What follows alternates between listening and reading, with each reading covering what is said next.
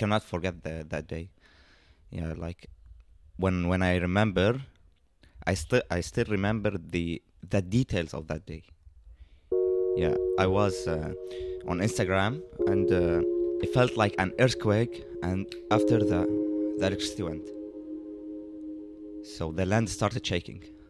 It was at six, so I stand up, and my sister said, "What happened? Did you felt it?" I said, "Yes." After like six seconds, boom, the explosion happened. The doors, the glasses, every, every, every, everything were destroyed, destroyed. Even the refriger- refrigerator felt. Yeah. En ting er at leve i et land, hvor man må dele med at mangle elektricitet og med at blive set som flygtning, på trods af, at man har boet der hele sit liv. Men at byen bogstaveligt talt blev sprunget halvt i luften, blev dråben for junkies. Han var klar til at forlade det hele.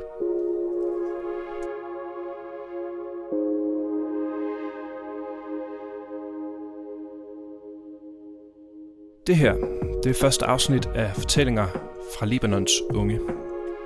Det er en podcast lavet for Beyond for at give en stemme til unge flygtninge i Libanon, som prøver at navigere i nogle ret kaotiske omstændigheder. Når vi hører om flygtninge i medierne, bliver de ofte bare et tal for os. Men bag alle de tal, så findes der rigtige mennesker med liv og drømme og længsler. Ligesom du og jeg har. Mange af dem er unge, og det er dem, jeg taler med her i podcasten, for at finde ud af, hvordan de overhovedet håndterer at leve i et land, der er ved at falde fra hinanden. Velkommen til.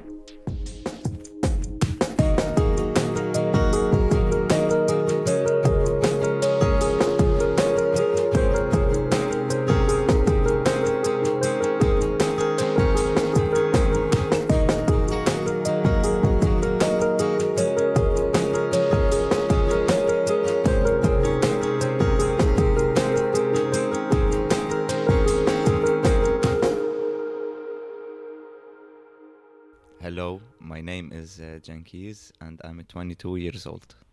Okay, thanks. And where are you from? Uh, I'm from Syria. Jeg møder Jan Kies i den kristne kirke i Beirut, hvor han er med i den ungdomsklub, som Beyond har været med til at starte. Han er lidt ældre end de fleste andre i klubben, og jeg kan se, at der er mange af de andre, der ser ham som en slags storebror.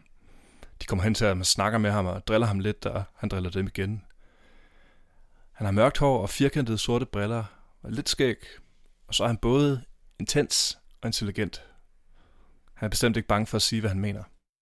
Eftersom han er flygtning fra Syrien, vil jeg gerne høre, hvordan han er kommet til Libanon. Men svaret ender med at forvirre mig lidt. My mother is, uh, is Lebanese, so I was born in Lebanon, and I've been living here in Lebanon more than 20 years. Okay. Um, so your father is Syrian? Yeah, my father is Syrian and my mother is Lebanese. Okay. So you've been living here for 20 years by now? I, I was born here in Lebanon. okay, you you were born here. Yeah. Did you live a few years in Syria or? No, no, I visited Syria for like three times my Okay. whole life. So uh, my whole life uh, I've been here in Lebanon. I studied here in Lebanon, Ja. and I lived here. Okay, så Janki siger, at han er fra Syrien, men han har boet i Libanon hele sit liv, og han har været i Syrien tre gange.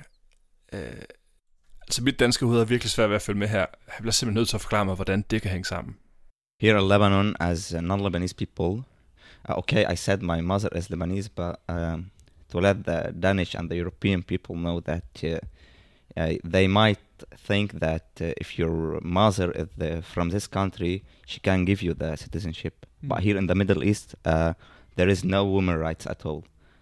Yeah, so my mother uh, is Lebanese, but I'm not Lebanese. I'm still Syrian. I don't Because have the your Liba- father is from yeah, Syria. Okay. yeah, I don't have the Lebanese passport because here in the Middle East, the woman is not allowed if she got married from a foreign person, she is not allowed to pass her citizenship to her uh, children. So I'm still Syrian. It's weird to me that you're considered a refugee because you've lived Yeah. 20 years in. Yeah, my, my my whole family are now refugees. Yeah. Part of them are living now in Europe. I have three uncles in Europe, uh, one in Norway, in Sweden, and uh, in Swe- Sweden and uh, France. Okay. and uh, my father's cousins are in Turkey, and we're here in Lebanon. Of course, we cannot go. Uh, we go back to Syria, especially me. Like it's not safe at all, Mm. because you know I'm a guy, 22 years old. I want to explain something that I'm from the northern part of Syria.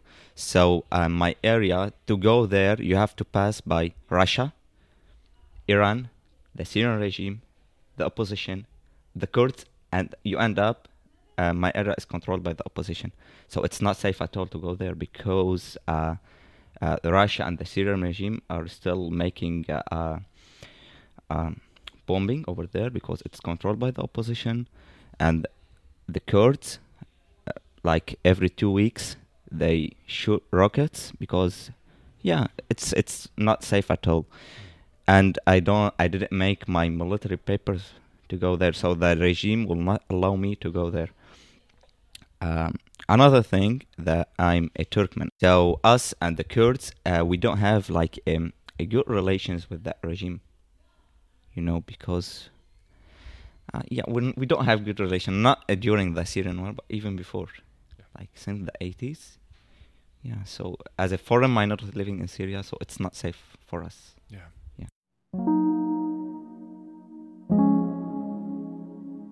Jeg sagde tidligere, at Beirut var blevet sprunget halvt i luften, var det ikke en overdrivelse.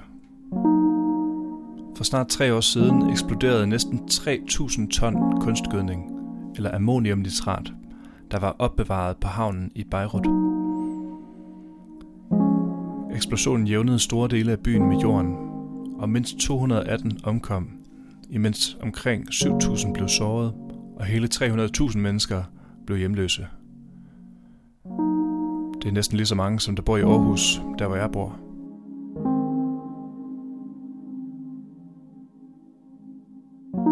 Under mit besøg i Libanon kører vores kontaktpersoner os ud for at se der, hvor eksplosionen fandt sted. Når vi kører rundt i Libanons gader, kan man egentlig ikke se, at der mangler strøm det meste af tiden, eller at det er blevet både besværligt og mega dyrt at tanke benzin. Vi holder ind til siden der, hvor vi kan se ud over området, hvor eksplosionen var. Der ligger stadig ruiner over det hele, og det er svært at se helt, hvad der har været hvad. Kun en håndfuld store siloer står stadig. De beskyttede dele af byen med at blive sprunget i luften. Hvis de ikke har stået der, ja, så havde det været endnu værre. Den her eksplosion har sat et markant præg på Libanon og på Beirut og på junkies. So, uh, one very big thing that's happened, obviously, uh, these last few years was the explosion in, in here in Beirut, where we're sitting. Uh, can you tell me about where you were and how you experienced the explosion? Yeah, I was uh, in the house, so um, me and my sister, my parents were outside. Uh, we were sitting like uh, we felt um like kind of a vibration or something like that. Uh, after that, the elec- electricity went and the power went, and the explosion happened. Uh, all of the glasses, the doors were destroyed. My sister was uh, sitting on the balcony, so she started crying, and uh, we didn't know what happened. Some people said that uh, earthquake or something like that. So the ground, we d- we didn't know what happened. Uh, yeah, it was so hard, so so hard. Like you are sitting peacefully, and you see that the doors are shaking, the glasses are everywhere. Um, my mother um, were were walking under here the the bridge. She got injured uh, in her leg because she fell down when the explosion happened. Yeah, it was so hard. You, you in our neighbor where we where we live, children were started crying and people shouting loud. It was so so scary. A lot, a lot. It was so so hard. The hardest the hardest thing I've been into. Yeah. when the explosion, I mean, happened, I went down and I started walking. So uh, I've seen a lot of people injured, people on the streets with bleeding. Yeah, it was, and the glasses on all of the streets. It was like a a horror movie, you know. Yeah. Yeah, maybe maybe you've seen it on the media, Yeah. but if you were here, it's a lot a lot of different. Yeah. How, Much how it different? how is it different like on the media they show like only the part of the ex- explosion but if you were on the, on the land where the explosion happened and um, between uh, um, my father's uh, cousin got died she was working as a waiter in Gemmayzeh so she got died her name is Rawan Misto Yeah, she got died by this explosion. She working. She was working like um, two kilometers away from the port. No, no, less, less in Gemmayzeh, um, in a in a club. So she got died. I'm sorry Yeah. to hear that. Her name is Rawan. Rawan, yeah. Um, so what did you do then? Did you go out to try to find your parents? Yeah, when I went outside, um, they came after five minutes. Um, as I said, uh, my mother's uh, leg was uh, injured. Um, yeah, because she fell down when the explosion happened. Because, uh, as I said, they were walking here under the bridge in Burj Hamoud. So, uh, first, because you know we're living in the Middle East, uh, we thought my father thought um, it was an assassination for a political or s- political person or something like that. He said it it might be an assassination, but uh, after that the media said uh, no, uh, uh, an ammonium nitrate were in the port and they got exploded. Det er altså for vildt det her. Så i syv år var der altså opbevaret næsten 3.000 tons top sprængfarlige kemikalier midt på havnen i Libanons hovedstad. De bare stået der og ventede på, at noget gik galt, og ingen har gjort noget. Hvordan kan det overhovedet lade sig gøre? Hvordan kan det ske, at der ender med at stå en tikkende bombe midt i Beirut? Det kan det, desværre, hvis det politiske system er korrupt, som det er i Libanon. Selvom mange af Libanons problemer ikke er menneskeskabte, så er der ingen vej udenom, at det her kun kunne ske med korrupte politikere ved roret. Jeg spørger Jankis om, hvad han tænker om det. How did you feel about when you heard what the actual uh, reason for the for the explosion was? Uh, what did you think about that? Corrupt people.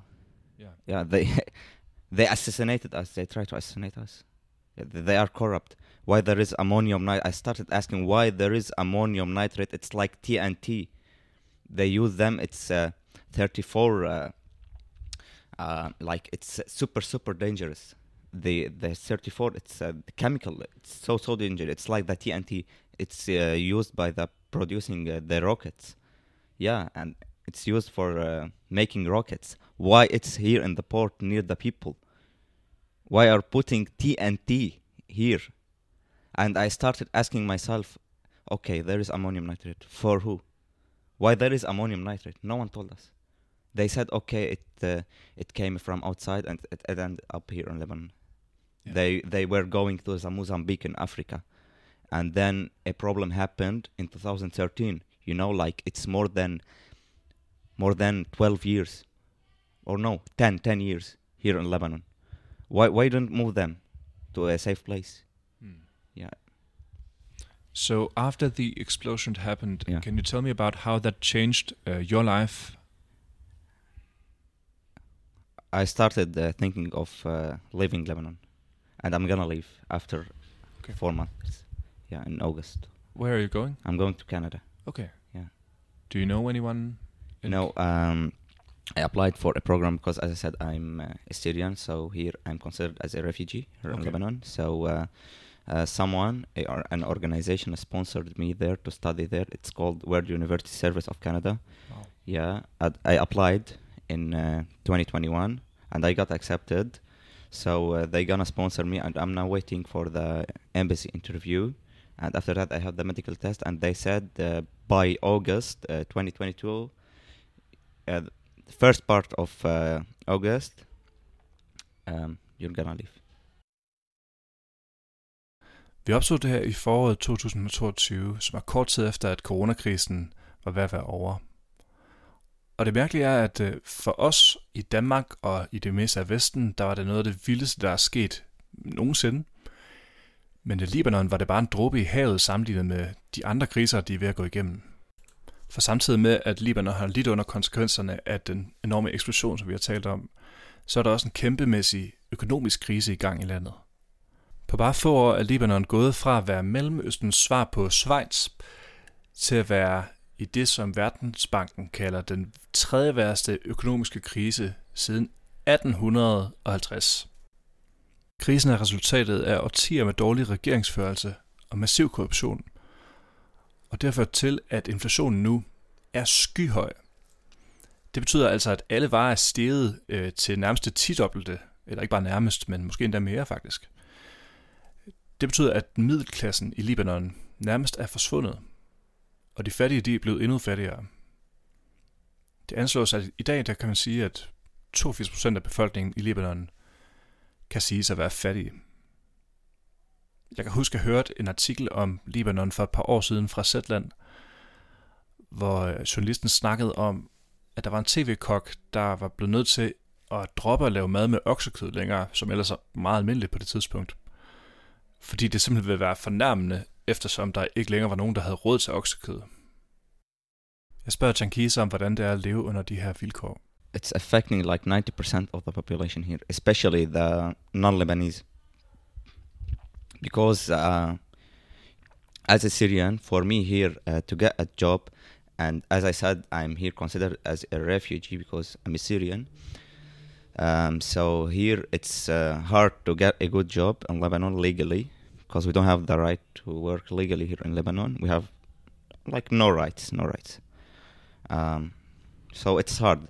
We've been living in in hard and bad conditions as Syrians, and now after the economic crisis, it added.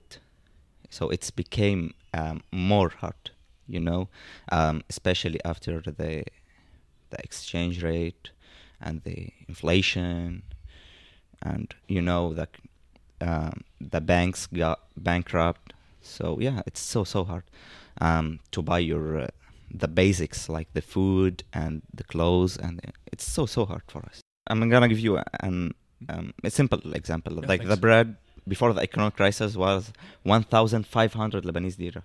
Today it's 13,000. It's super super. Ba- the, I mean the bread. It's super super basic. Prøv at forestille dig, at du skal ned for at købe en pakke råbrød. Pakken koster 20 kroner. Det er den samme pakke råbrød, som du har købt hundredvis af gange før. Bortset fra, at nu koster pakken ikke 20 kroner længere. Nu koster den 172 kroner. Det er et billede på, hvordan priserne er steget i Libanon. um, the clothes, every everything is became um, became more and more expensive. Everything, like anything you could uh, imagine. So um, it's so hard for the people here who, who's living in Lebanon. Uh, it's so hard for them uh, uh, to buy things. You know, you know what, what do I mean? Um, even to study, it's so hard for you here to study. Um, yeah, yeah. Every everything is becoming uh, more and more expensive. Life here in Lebanon, not, not only in Lebanon, uh, Syria had the same situation. Jordan, here in the Middle East. Uh, um, uh, so for this reason, I'm leaving. I'm leaving. I cannot anymore. Yeah. Og lige som vi sidder og snakker om at leve midt i en økonomisk krise, går strømmen i bygningen.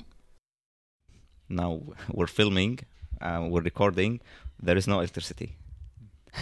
Yeah. Yeah.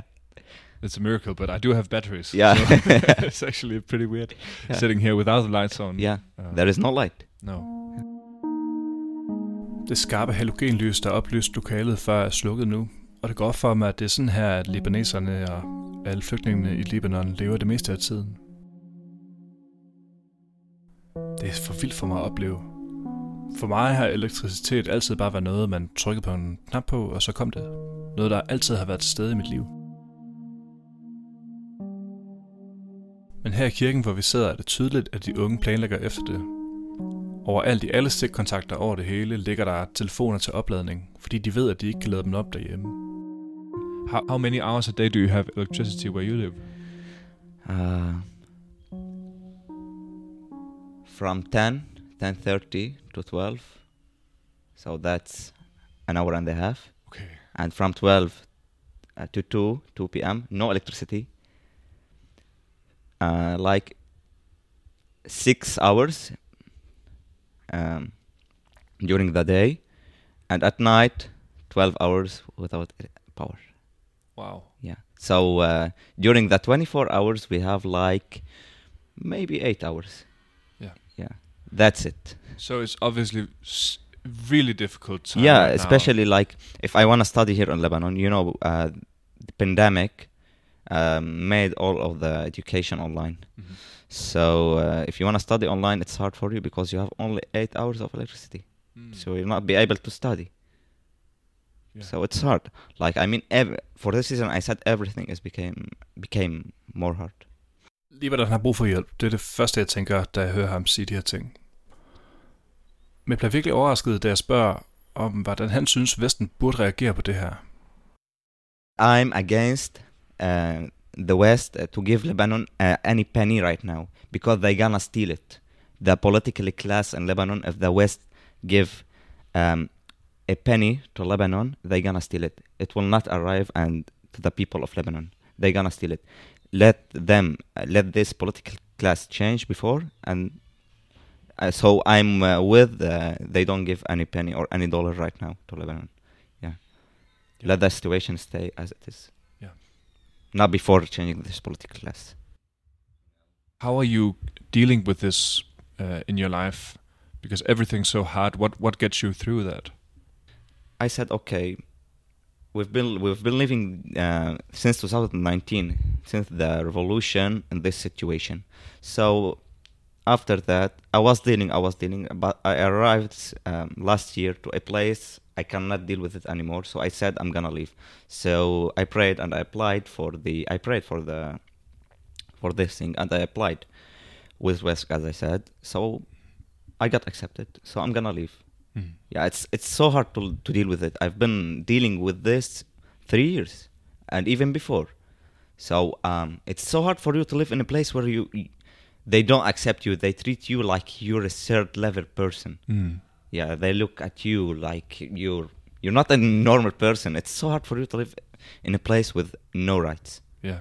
Has it been like that all your life, being a Yeah, being with with no Syrian? rights. Like I Yeah. mean, even even before the Syrian civil war, before the refugees here in Lebanon, I was Syrian here, and my mother is Lebanese. So uh, when we want to register at the schools here in Lebanon, they say no, you're foreigner. Wait until we open for the foreigners. My mother is Lebanese. We- I have no rights. I don't have the right to register with the Lebanese people. Even my mother is Lebanese. So they say and they tell you, please wait until we accept foreigners. Yeah. And you've been living here how long? Uh, all your life, basically. Like, um, since I was born, yeah. like 20, 20, 22. Yeah. Wow. Yeah, so I, I don't have any problem to leave, especially now after the explosion and after the economic crisis in Lebanon. So why would I live here? Why would I choose to live?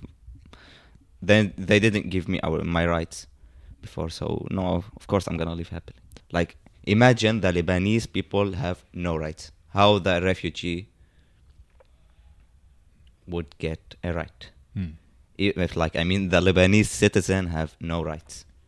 So of course, imagine the life of the foreigner living here in Lebanon. Yeah. So um, there there were a lot of immigrants living here in Lebanon. Now after the economic crisis, the half the half left. Mm. Yeah. Yeah. Wow. So, um, do you have hope that the situation will ever get better in Leba- Lebanon? Um, to be real, um, not me.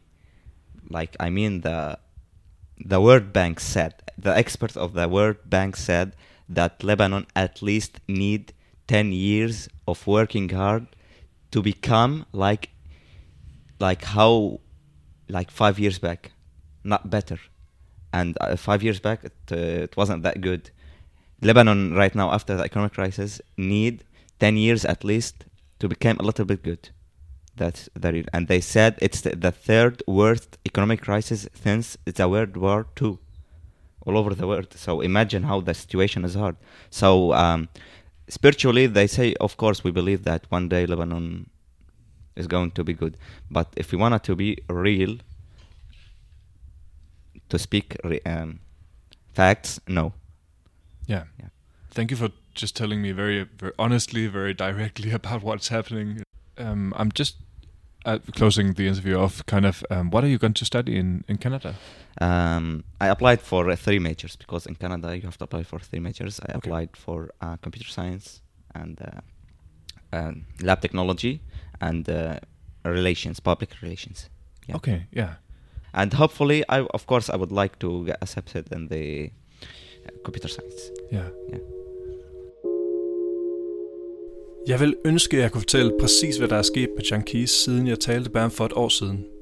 Og jeg har faktisk skrevet til ham, men han har desværre ikke nået at svare på min besked, før vi skulle udgive podcasten her.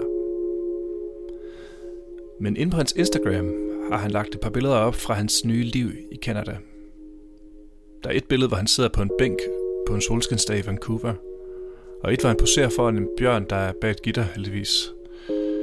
Han ser tilfreds ud, glad ud, og jeg sporer, at der er en fred i hans blik. Så er der et lille klip fra en aften, hvor han filmer op på en skyskraber, imens man kan se sneen danse i lyset fra lygtepælen ved siden af ham. Det klip indrammer virkelig, hvor anderledes hans verden er i dag.